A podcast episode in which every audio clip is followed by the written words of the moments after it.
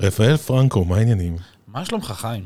מדהים, מתרגש. אנחנו הולכים לדבר על אחד הדברים הכי מעניינים היום בעולם הטכנולוגיה, וגם לא, גם בחיים הפרטיים שלנו. זה... על מה אנחנו הולכים לדבר בדיוק? סייבר? מה זה סייבר? מה זו המילה הזאת? בוא נתחיל.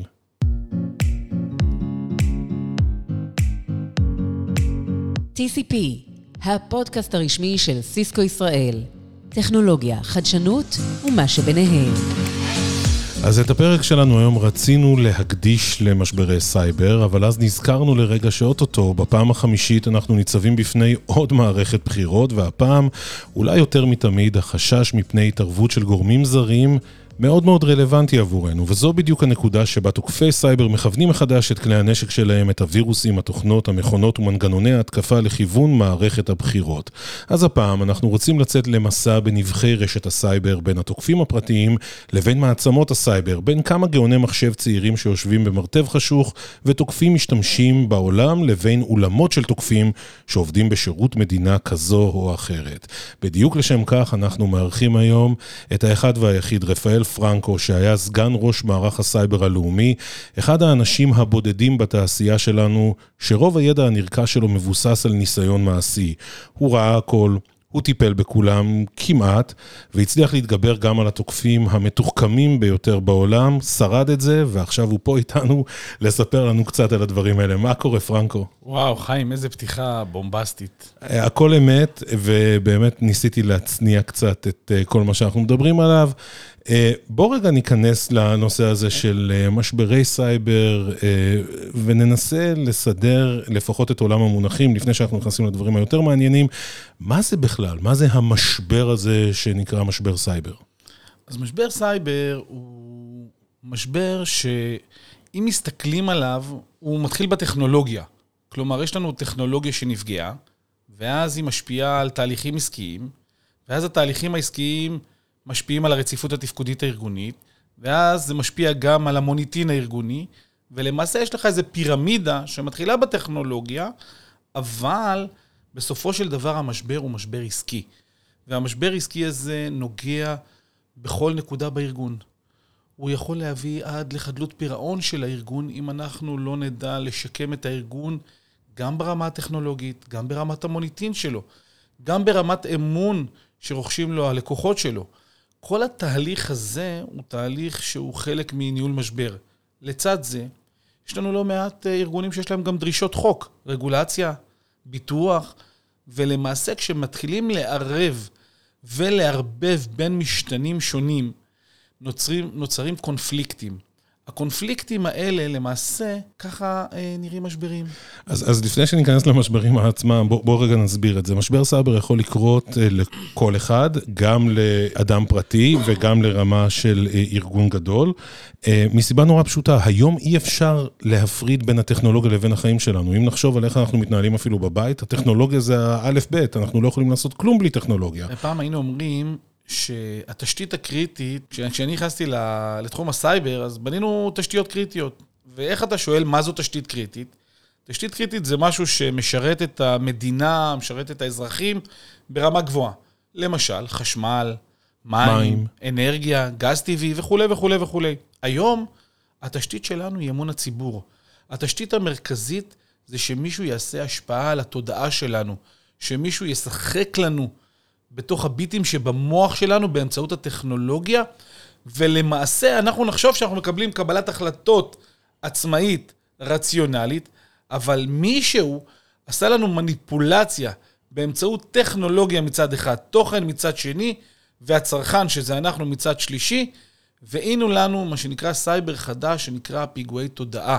אוי ויי. טוב, זה מחבר אותנו לעולם של רשתות חברתיות והחיים שלנו בתוך העולם הזה. אנחנו תמיד רואים את הפרסומות, שזה כאילו משהו נורא תמים בפיד שלנו בפייסבוק או באינסטגרם, ופתאום אנחנו שואלים את עצמנו, תגיד, איך אה, פייסבוק בדיוק גילתה שאני חושב על חופשה בתאילנד, ועכשיו היא מפרסמת לי את הספק הזה או את הטיסה הזאת עם החברה הזו?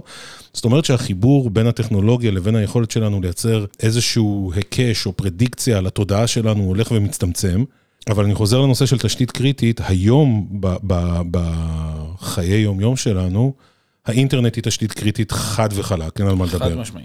הטלפון שלנו, אה, תשתית קריטית חד וחלק. היכולת שלנו לתקשר מסרים מיידיים, אימיילים, תשתית קריטית, חד וחלק. זאת אומרת שאנחנו לא יכולים להתנהל בלי החיבוריות והקישוריות הזו. זה אומר שהתלות הטכנולוגית שלנו היא הגיעה לרמת אה, שיא, או שאנחנו הולכים אפילו לעלות מעל לזה? אני חושב, ש... אני חושב שחלק מהארגונים, כמו מטא ונוספים, אה, צופים לנו עוד הרבה, עוד הרבה קדמה בהקשר הזה. כלומר, אם אתה שואל אותי, זה רק עניין של זמן עד שמכונות חכמות, מה שאנחנו קוראים AI, בינה מלאכותית, ינבאו בצורה הרבה יותר טובה את מה אנחנו רוצים אה, לעשות. ומעבר רגע שנייה להציע לנו רק פרסומות בשופינג, יתחילו לקבל החלטות פשוטות בשלב הראשון עבורנו. בשלב השני, להערכתי, עניין של עשור וצפונה, אפילו יקבלו החלטות יותר מורכבות. ואני אפילו רוצה ככה קצת להתנבא, אבל לא להישמע עתידני מדי. ברמה של 20 ו-25 שנה, יש סיכוי שהישות הפיזית שלנו תעזוב את העולם, והישות הווירטואלית שלנו תמשיך לנהל עבורנו כל מיני משימות. יש לא מעט סרטים של מדע בדיוני שעוסקים בדיוק בנקודה הזו. אבל מה שאני שומע ממך זה שכל האינטראקציה שלנו עם הפלטפורמה הדיגיטלית למעשה מביאה גם כן לאיזשהו איזון חוזר ולעיצוב התודעה של עצמנו. זאת אומרת, הדרך מחשבה שלנו מתחילה להיות מושפעת מזה, אה, ותכף אנחנו, אנחנו ניכנס באמת לתפר שקורה בין ההשפעה על הטכנולוגיה לבין ההתנהגות שלנו. כי היום אנחנו חושבים על הפלטפורמות האלה כ-untouchable. זאת אומרת, יש לנו אמון מלא בעובדה שכשאנחנו חווים חוויית צריכת מידע, בטלפון הנייד שלנו בבוקר, איך שהתעוררנו ונכנסנו לפיד, הכל שם הוא ניטרלי, זאת אומרת, זה מה שאנחנו אמורים לראות. ברור לנו מאוד שניטרליות זה לא המילה הנכונה. או. זה הכל חוץ מניטרלי.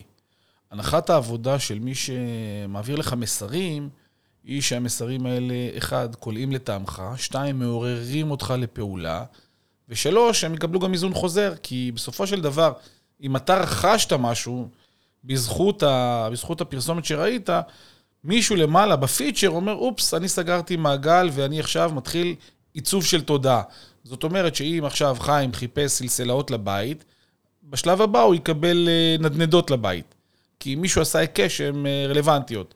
ואחר כך תקבל עוד מוצרים ובריכה לבית, ומהבריכה לבית תקבל מסנן לבית, ובסופו של דבר, בלי לשים לב, יעצבו לך את כל סביבת החיים שלך בצורה מאוד נעימה לך כמשתמש. אבל זה ההיקש שעושים אחד ועוד אחד. תגיד, תוקפי הסייבר גם כן מכירים את הטריקים האלה? אני חושב שיש לנו, אפשר לאפיין את קבוצות התקיפה או את אה, מודוס האופרנדי של התקיפה, נאמר לשתיים. אחד, פיגועי אה, רציפות תפקודית, בסדר? כאלה שלמעשה עושים ransomware, מצפינים, עושים אפילו דאטה ליק. זה צד אחד של תוקפים. צד שני של תוקפים עוסק בעיצוב תודעה ומסרים, עוסק בהשפעה על מסרים, ופה אנחנו יכולים לראות אה, שחקנים מרמה של מדינות, ואנחנו שומעים לא פעם ולא פעמיים על ההתערבות הרוסית, למשל בבחירות 2016.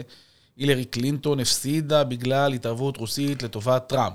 קיימברידג' אנליטיקה וכל הסיפורים האלה. נכון, ואנחנו יודעים שמי שרוצה להתעסק רגע בעולם של השפעה, אה, נקרא לזה השפעה רעה, לא השפעה, אה, כמו שדיברנו קודם, אה, אולי לרכישה ולהתנהגות, הוא צריך לחפש בסך הכל מספר דברים מאוד פשוט. אחד, הוא צריך לחפש, נקרא לזה נושא שהוא מספיק בליבה. אתן לך דוגמה אצל האמריקאים, אני אזכיר לך, בעד ונגד הפלות. Mm-hmm. המדינה חצויה. נושא לוהט. אמריקה חצויה בין בעד ונגד. מה צריך לעשות תוקף טוב? לשפוך שמן למדורה. עכשיו, תשאל את עצמך, למה לשפוך שמן למדורה? למה? למה, למה שה... נניח שהרוסים ירצו להתערב בתוך, אה, בתוך השיח הזה? הרי הם לא מקדמים אג'נדה. אבל מה? עכשיו אנחנו עולים קומה למה זה השפעה אה, לאומית ופייק ניוז. הרוסים, בדוקטורינה שלהם, יכולים להניח שאם עכשיו אמריקה עסוקה בבעיות פנים, אז במה היא לא עסוקה? בעיות חוץ. אמת. ואם היא לא עסוקה בבעיות חוץ, אז הם יכולים אה, לקדם מהלכים אה, בינלאומיים, החל מנפט, כלה מפלישה לאנשהו, וכולי וכולי. כלומר, בשפה שלנו רגע, הרעים, ה-bad guys, ברמת המדינות, כשהם רוצים לעשות השפעה, וזה לא משנה אם זה בבחירות או על נושא שהוא, נקרא לזה, אה, נמצא, הוא מספיק חזק ונפיץ, הם יחפשו לקעקע ולשנות קצת, ולסלף קצת את השיח כדי להביא לשסע גדול יותר. אז, אז תגיד, רגע, שנייה, עכשיו, עכשיו אתה נכנסת איתנו לנושא הבחירות, אני רוצה רגע אחד לחפור בנושא הזה. בתור התחלה, כשאנחנו שומעים שגורמים זרים מתערבים במערך הבחירות הישראלי, אני דמיינתי לעצמי שרוצים לתקוף לנו את המחשבים של משרד הפנים, או מנסים אה, להדפיס עוד פתקיות אה, של מפלגות כאלה ואחרות. אנחנו מדברים על עולם אחר, נכון? אנחנו מדברים על עולם גם וגם. הופה. גם לפגוע ברציפות התפקודית. עכשיו, למה לפגוע ברציפות תפקודית של בחירות? כי בסופו של דבר, שתוקף, הוא תוקף, אה, אה, נקרא לזה מערכות טכנולוגיות, אוקיי? ורוצה להביא לשיבוש שלהם, למעשה המסר שהוא מעביר לך היא ששים לב, מדינתך היא חסרת משילות. היא איננה מסוגלת לסמוך את ידיה על המשילות, ולכן אנחנו כבר אומרים לך, אתם חלשים. והרצון לפגוע ולייצר אחרי זה פרופוגנדה, כאוס, אוקיי?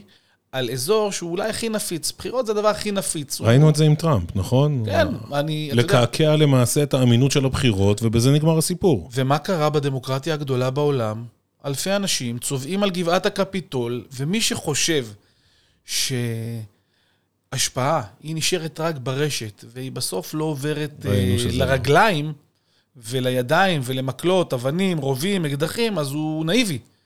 ומי שלא חשב, או מי האמין שבדמוקרטיה הגדולה בעולם ינסו לכבוש את גבעת הקפיטול בשל הפסד, אה, בשל הפסד אה, של טראמפ. כמו שאמרתי בהתחלה, זה סרטי מדע בדיוני שמתחילים אה, להתממש במציאות ובפיד של החדשות שלנו. אז אחד מהדברים זה באמת תקיפה של מערכות המחשוב אה, של מערכת הבחירות, כדי לנסות ולערער את הביטחון שלנו בתוצאות הסופיות. זה מספיק כדי כבר לייצר איזשהו כאוס מסוים, ו- וקצת ככה לנער ולערער את המשילות של אותה מדינה שעוברת את ההתקפה. יש דרכים שבהם אה, אתה היית ממליץ למדינות להתמודד עם כזה דבר? תראה, אני ניהלתי שלוש פעמים את מבצע ההגנה הבחירות על אה, מדינת ישראל. נו, אז כנראה שאני שאלתי את השאלה הנכונה אה, לבן אדם הנכון. ראשית, אני חושב שחשוב להרגיע את הציבור, אה, ציבור הבוחרים ואזרחי ישראל. מדינת ישראל מבקשת לוודא בכל המאמצים והיכולות שלה, לא חוסכת שום יכולת מבצעית וטכנולוגית כדי להגן על הבחירות במדינת ישראל. הן בהיבט של תודעה והן בהיבט של פגיעה ברציפות תפקודית, על מנת שהבחירות יערכו כסדרן. פה באמת כל הנושא הזה של הילת מדינת הסייבר מגיע לידי ביטוי. לוקחים את כל מה שיש לנו ושמים את זה שם. אני חושב שאחד הדברים המדהימים במדינת ישראל, שנוצר קונצנזוס של אורקסטרה, של כל הארגונים הרלוונטיים כדי לנהל את המבצע הזה. כלומר, כשאתה מסתכל על חמ"ל, ניהול מבצע הגנת הבחירות, אתה יכול לראות שם לובשי מדים מצד אחד, אתה יכול לראות שם אזרחים, אתה יכול לראות שם גורמי אה, אכיפה, אתה יכול לראות שם אה, מעולם המשפטי, משפטנים, אתה יכול לראות שם אנשי יח"צ ותדמית, אתה יכול לראות שם אנשי government, ממשל. זאת אומרת, בהרמוניה הזאת אין ימין ושמאל, יש כאן איזושהי אה, התאחדות מכל הקשת, גם מבחינת הדעות הפוליטיות, אבל גם אה, יצרנים. יצרן א' שמתחרה עם יצרן ב', פתאום האנשים האלה מגיעים ביחד כדי לעזור. אמת, בסוף נוצרת אורקסטרה. אני לא סתם אומר אורקסטרה, כי תכף תשמש אותנו במערכה הבאה, כדי לנהל מבצע מולטי-דיסציפלינרי שיש בו דיסציפלינות שונות. אחד מתעסק בתשתיות וברציפות שלהם, השני מתעסק בנושא של פייק ניוז, השלישי באכיפה פלילית, הרביעי באיסוף מודיעין, החמישי בהגנה, השישי בניטור, השביעי בפרטיות, וכולי וכולי וכולי. ובסופו של דבר, אני, כמי שעמד בראש מערך, מערך ההגנה של מבצע הבחירות, צריך לנהל, אחד, את כל המאמצים האלה בצורה מתואמת, ושתיים, גם לנהל בין קונפליקטים. יש קונפליקט אחד שהוא מודיעיני, אל מול קונפליקט אחד שהוא סיכולי, אל מול קונפליקט אחד שהוא תדמיתי, ואת כל הקונפליקטים האלה אנחנו במדינת ישראל אה, מנהלים, ואני יכול להגיד שאנחנו לא מחכים ליום הבחירות. כלומר, אם יש משהו שאני חושב שהבנו מהר מאוד, זה שצריך להיערך ולהתכונן למצב שבו חס וחלילה נתקף, חס וחלילה ניפגע, ואיך אנחנו, אחד, מונעים כמובן, ושתיים, אם נפגענו, איך אנחנו מתאוששים בצורה המהירה ביותר כדי שבמקרה הזה ההחלטות העסקיות, שנקרא, שקוראים להן בחירות, לא תיפגענה והאזרח יוכל להמשיך לבחור וכמובן לקבל, את ה... לקבל בקלפי את מי, ש... מי שבאמת ניצח, כמו שצריך להיות בדמוקרטיה. תגיד, ו- ורואים פעילות? זאת אומרת, כשאתם יושבים בתוך הדבר הזה, אתם מצליחים לזהות, אה, בואו בוא, לא ניכנס לשמות, אבל כיוונים מסוימים, מזרח-מערב, שיש להם אינטרס להגיע אלינו ולהשפיע? יותר קל לי להתחבר למושג אינטרס. אני חושב שיש uh, הרבה גורמים שיש להם אינטרס לשבש את הבחירות במדינת ישראל. יש להם גם את היכולת? אני חושב ש... אני נזהר פה בתשובה, אבל אני חושב שמדינת ישראל נמצאת בעליונות בהגנה בסדרי גודל מול התוקפים האלה. נשמתי לרווחה. אחלה. זה לא אומר שיש לנו לעולם חוסן. לא, לא. זה אומר שתפקידו של אה, מי שמפקד עכשיו על המבצע, שאני מניח שהוא כבר לא ישן לילות, כי ככה נראה מוכנות למבצע מהסוג הזה, שיש בו כמות של אנשים מאוד מאוד גדולה. הוא צריך לחשוב על כל התרחישים, הוא צריך לקחת את כל המקרים ותגובות, להביא אותם בחשבון, הוא צריך לוודא שכולם מתורגלים, הוא צריך לוודא שקבלת ההחלטות והסמכויות נראית כמו שצריך, כי גם אנשים מתחלפים. הוא צריך להבין איך נראה מערך זרימת המידע מהשטח, נקרא לזה, לפיקוד הבכיר. והדברים האלה בסייבר, הם קורים מהר מאוד. זאת אומרת ששם יושב מישהו ואומר, חברים, נכון שזה לא נעים, אבל אנחנו חייבים לתרגל מצב שאולי פספסנו משהו, ומשהו קורה לנו ביום הבחירות, בואו נתרגל כדי שלא נהיה מופתעים.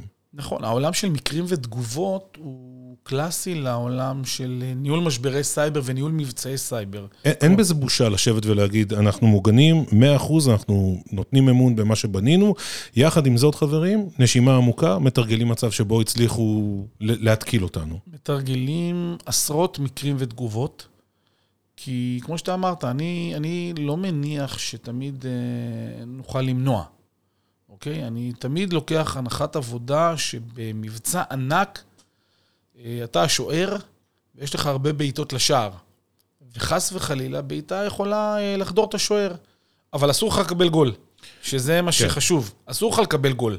כלומר, יכולה, זה מעין טרמינולוגיה שיכולה לעבור את השוער, אבל לא להיכנס לשער. אבל לא להיכנס לשער. כלומר, כמות המקרים ותגובות שנמצאים בתוך המבצע הזה היא דרמטית. ואסור לך להיכנס לשוק. אתה לא יכול להיות מופתע מכזה דבר. אם אתה מצפה לו ואתה תרגלת אותו, התגובה שלך בהכרח תהיה טובה יותר בזמן אמת?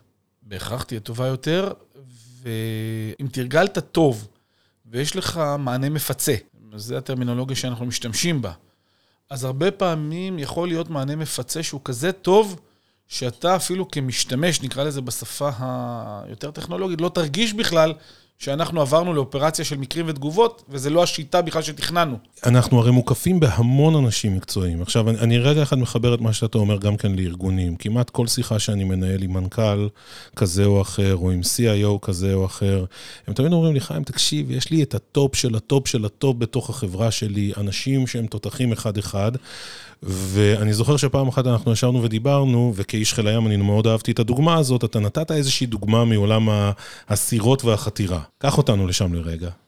אז אה, אני רוצה רגע לספר סיפור קצר, ואז נגיע לאזור החתירה. יאללה. אני רוצה לדבר על למה לא לעולם חוסן ומה השתנה. כלומר, מה השתנה שהפרדיגמה עברה רק ממניעה למצב שבו אנחנו מדברים היום הרבה על התאוששות. ומשם נגיע לחתירה. עד לפני מספר שנים, נקרא לזה, אה, כמות התוקפים בחוץ הייתה לא גדולה. יכולנו בסך הכל למפות את קבוצות התקיפה, וגורמי ההגנה ידעו בגדול את כל המודוס אופרנטי שלהם ומי עומד מאחוריהם, ובסך הכל הפער היה נסבל. מה שקרה בקורונה, שזו, אני חושב, אחת ההפתעות החשובות, ו- וזה חשוב רגע שהשומעים שלנו יבינו, הפרדיגמה זזה, נשברה. כי קבוצות פשיעה מסורתיות, שהיו רגילים עד הקורונה להבריח סמים, להבריח אמל"ח, לסחור בבני אדם. יום אחד בתחילת הקורונה, שהייתה רק לפני שנתיים, מצאו את עצמם שהגבולות סגורים ואין uh, טיסות, והיו צריכים לעשות uh, במרכאות פיתוח עסקי. ולאן הם עשו פיתוח עסקי, אתה חושב, חיים? אהבתי פיתוח עסקי. הם עשו פיתוח עסקי לסייבר, לפשיעת סייבר. ופתאום מכמה גורמי תקיפה פשיעה קטנים, פתאום אתה מקבל הצפה של אה, פושעי סייבר, והפושעי סייבר האלה מתחכמים ונהיים מתוחכמים יותר, ואנחנו פתאום, כשיש לנו הרבה יותר תוקפים, אז אנחנו רואים יותר משברים. וכשהתוקפים האלה מבינים גם שאפשר uh, ממש uh, לעבוד כמו בעולם הסמים, בואו ניקח מפיצים, ואנחנו רואים, אה, התפתח דגם שנקרא RAS, Ransomware as a Service. כלומר, אותם ארגוני הפשיעה הגדולים הופכים להיות אלה שמייצרים את האמל"ח, שם קוד סמים בשפה כן. הישנה, ויש מלא שמפיצים ומקבלים עמלות. כלומר, קבוצות פשיעה סייבר אה, ברמה נחותה יותר. וזה מביא להצפה, אחד, של כלים יחסית מתקדמים בשוק, ושתיים, להרבה תוקפים. ולכן אנחנו רואים הרבה מאוד משברים. עכשיו, כמו שאמרתי, יש לנו כלים טכנולוגיים, יש לנו כלי חקירה, יש לנו כלי התאוששות, לצד כלי ההגנה. יש לנו הרבה תוקפים, ואנחנו מבינים שנפתח פה איזה פער, ומתחיל להיווצר דגם של, נקרא לו דגם ראשוני של התאוששות, שמתחילים, אה, שהוא מתחיל בהתחלה דרך טכנולוגיה, אחר כך נכנסים, נכנס עולם של רגולציה, אחר כך נכנס עולם של משא ומתן. יש לנו היום בניהול משבר מומחים למשא ומתן מול תוקפים, דיסציפלינה חדשה שאיננה טכנולוגית, שמנסה להביא בעת משבר מודיעין לתוך, לתוך אה, חדר קבלת ההחלטות. זה הפך להיות לתחום התמקצעות חד וחלק, כמו שהיה במצבים של שבויים, איך לדבר ואיך לנהל את זה. אסור לזלזל באלמנט הזה. איך שאתה מתקשר עם התוקפים שלך, במיוחד בכופרה, יכול לקבוע את, ה, את הסיום של הסיפור הזה. חד משמעי, חד משמעי. גם איך התכוננת, איך אה, ניהלת את כל מאמצי השיקום שלך, מה קודם למה. אתה, למשל, אחד הדברים החשובים במשבר זה לייצר פריוריטי. אה, מה משקמים ראשון, מה משקמים אחרון, על מה מוותרים. אני אגיד לך יותר מזה, לפעמים אנחנו מגיעים ובונים את הרמזור הזה, ואומרים למנכ"ל, מנכ"ל יקר, את הלקוחות האלה, אתה לא תספיק להגיע אליהם. זאת אומרת שהולך להיות כאן אה, הפסד. Mm-hmm. אה, יש כאן סיכון מהרגולציה.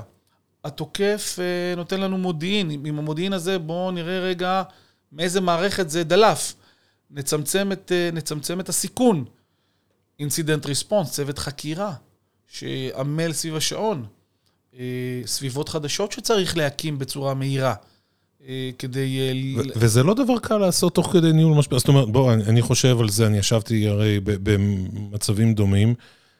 בוא, להקים מערכת חדשה זה דבר מסובך ביום-יום לארגונים גדולים, אז בוא נעשה את זה תחת אש, תוך כדי שאתה בוחן ואתה לא בטוח איפה כן התוקף נמצא או לא התוקף נמצא. זה דבר שהוא לא פשוט בכלל.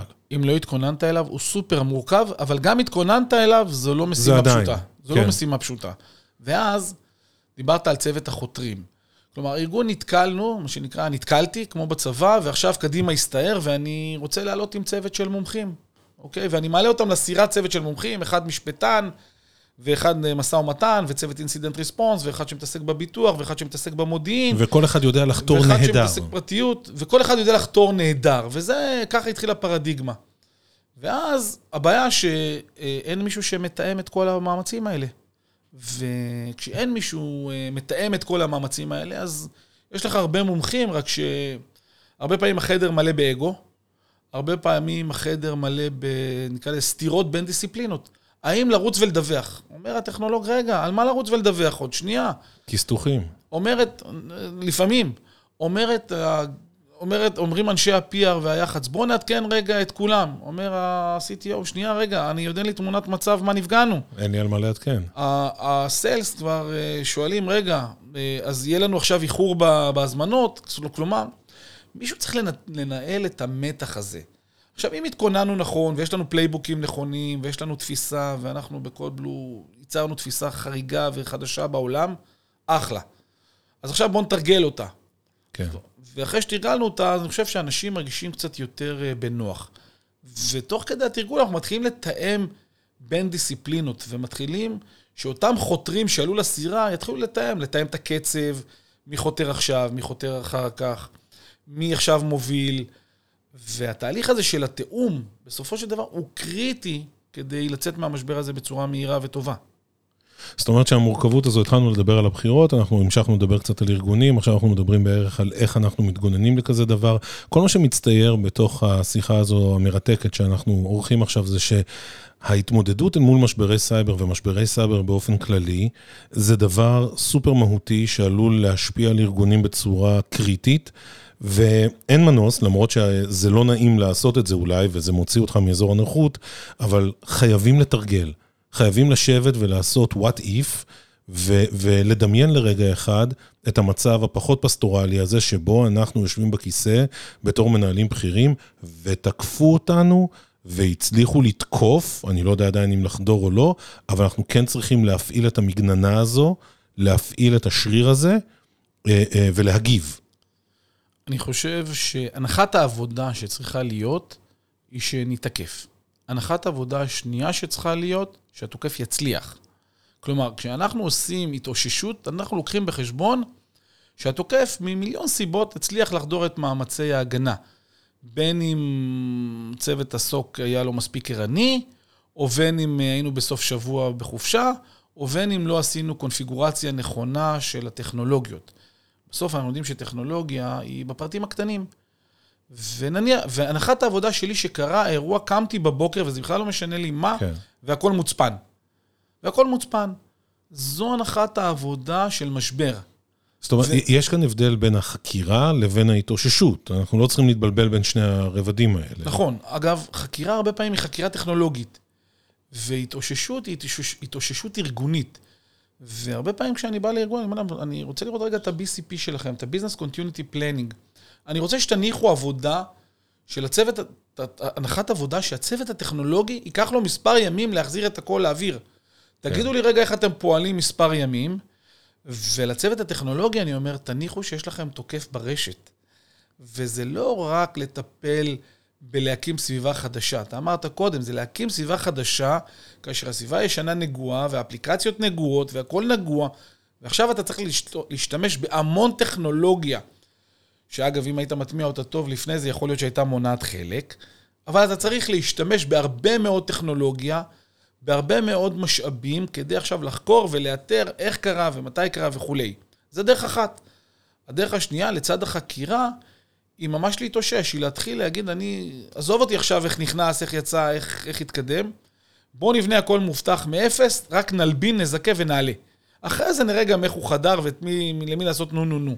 הרבה פעמים בארגון, אנשים נותנים את התשובה של אנחנו נגיע לרמה של התאוששות על ידי יישום של מערכות שלמעשה בהנחת היסוד שלנו כבר הותקפו. אתה צודק, בעולם דיגיטלי נוצרה איזו מציאות שהיא דווקא, אני חי איתה לרוב הזמן בשלום, שדיגיטציה פותרים באמצעות דיגיטציה אחרת. זאת אומרת, אני פותר בעיית דיגיטל כן. בדיגיטל אחר. במשבר סייבר זה לא ככה. במשבר סייבר אתה צריך קודם כל שיהיה לך plan לתחילת האירוע, שהוא איננו טכנולוגי, כי הטכנולוגיה כרגע לא מצויה ולא זמינה. וייקח זמן עד שתאושש אותה. ואם אין לך, אה, אין לך חלופה עסקית אחרת, אתה בבעיה. אתה בבעיה מול הלקוחות, אתה בבעיה מול ספקים. אם אתה חברה ציבורית, אז בוודאי גם מול המשקיעים. ואז אנחנו רואים בעיית מניה, והרפיטיישן צולל וכולי וכולי.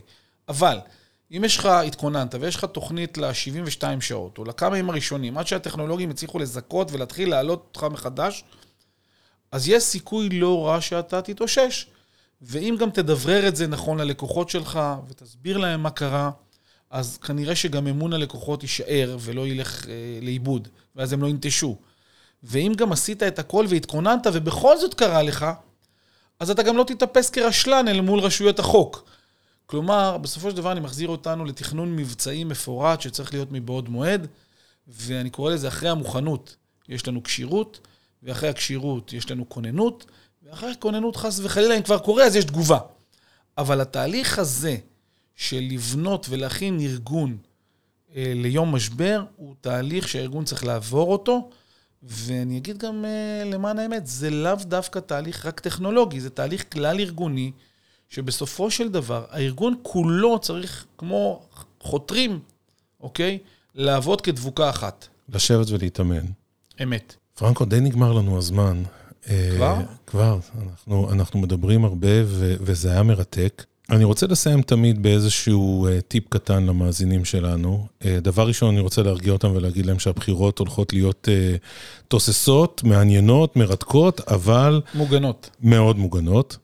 אבל uh, לכל אלה שמקשיבים לנו, גם אנשים שהם לא עומדים בראש ארגון גדול, וגם כאלה שמנהלים את מעצמת הטכנולוגיה שלהם בבית, עם הרבה מאוד uh, מכשירים דיגיטליים, טלוויזיות חכמות וטלפונים חכמים, מה הטיפ הכי חשוב שאתה יכול לתת לבן אדם שעומד בראש ארגון כזה, או ראש משפחה, או ראש חברה מאוד גדולה?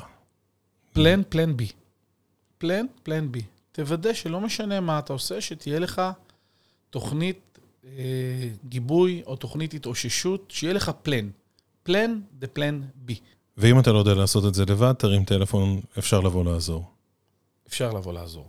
וגם תלמד את הילדים שלך מה מספר הטלפון בבית, כדי שהם ידעו להתקשר אם הטלפון נשבר. חד משמעי, כתוב, ה... כתוב במגנט על המקרר. פרנקו, תודה רבה, היה כיף גדול. לעונג לי, תודה לכם.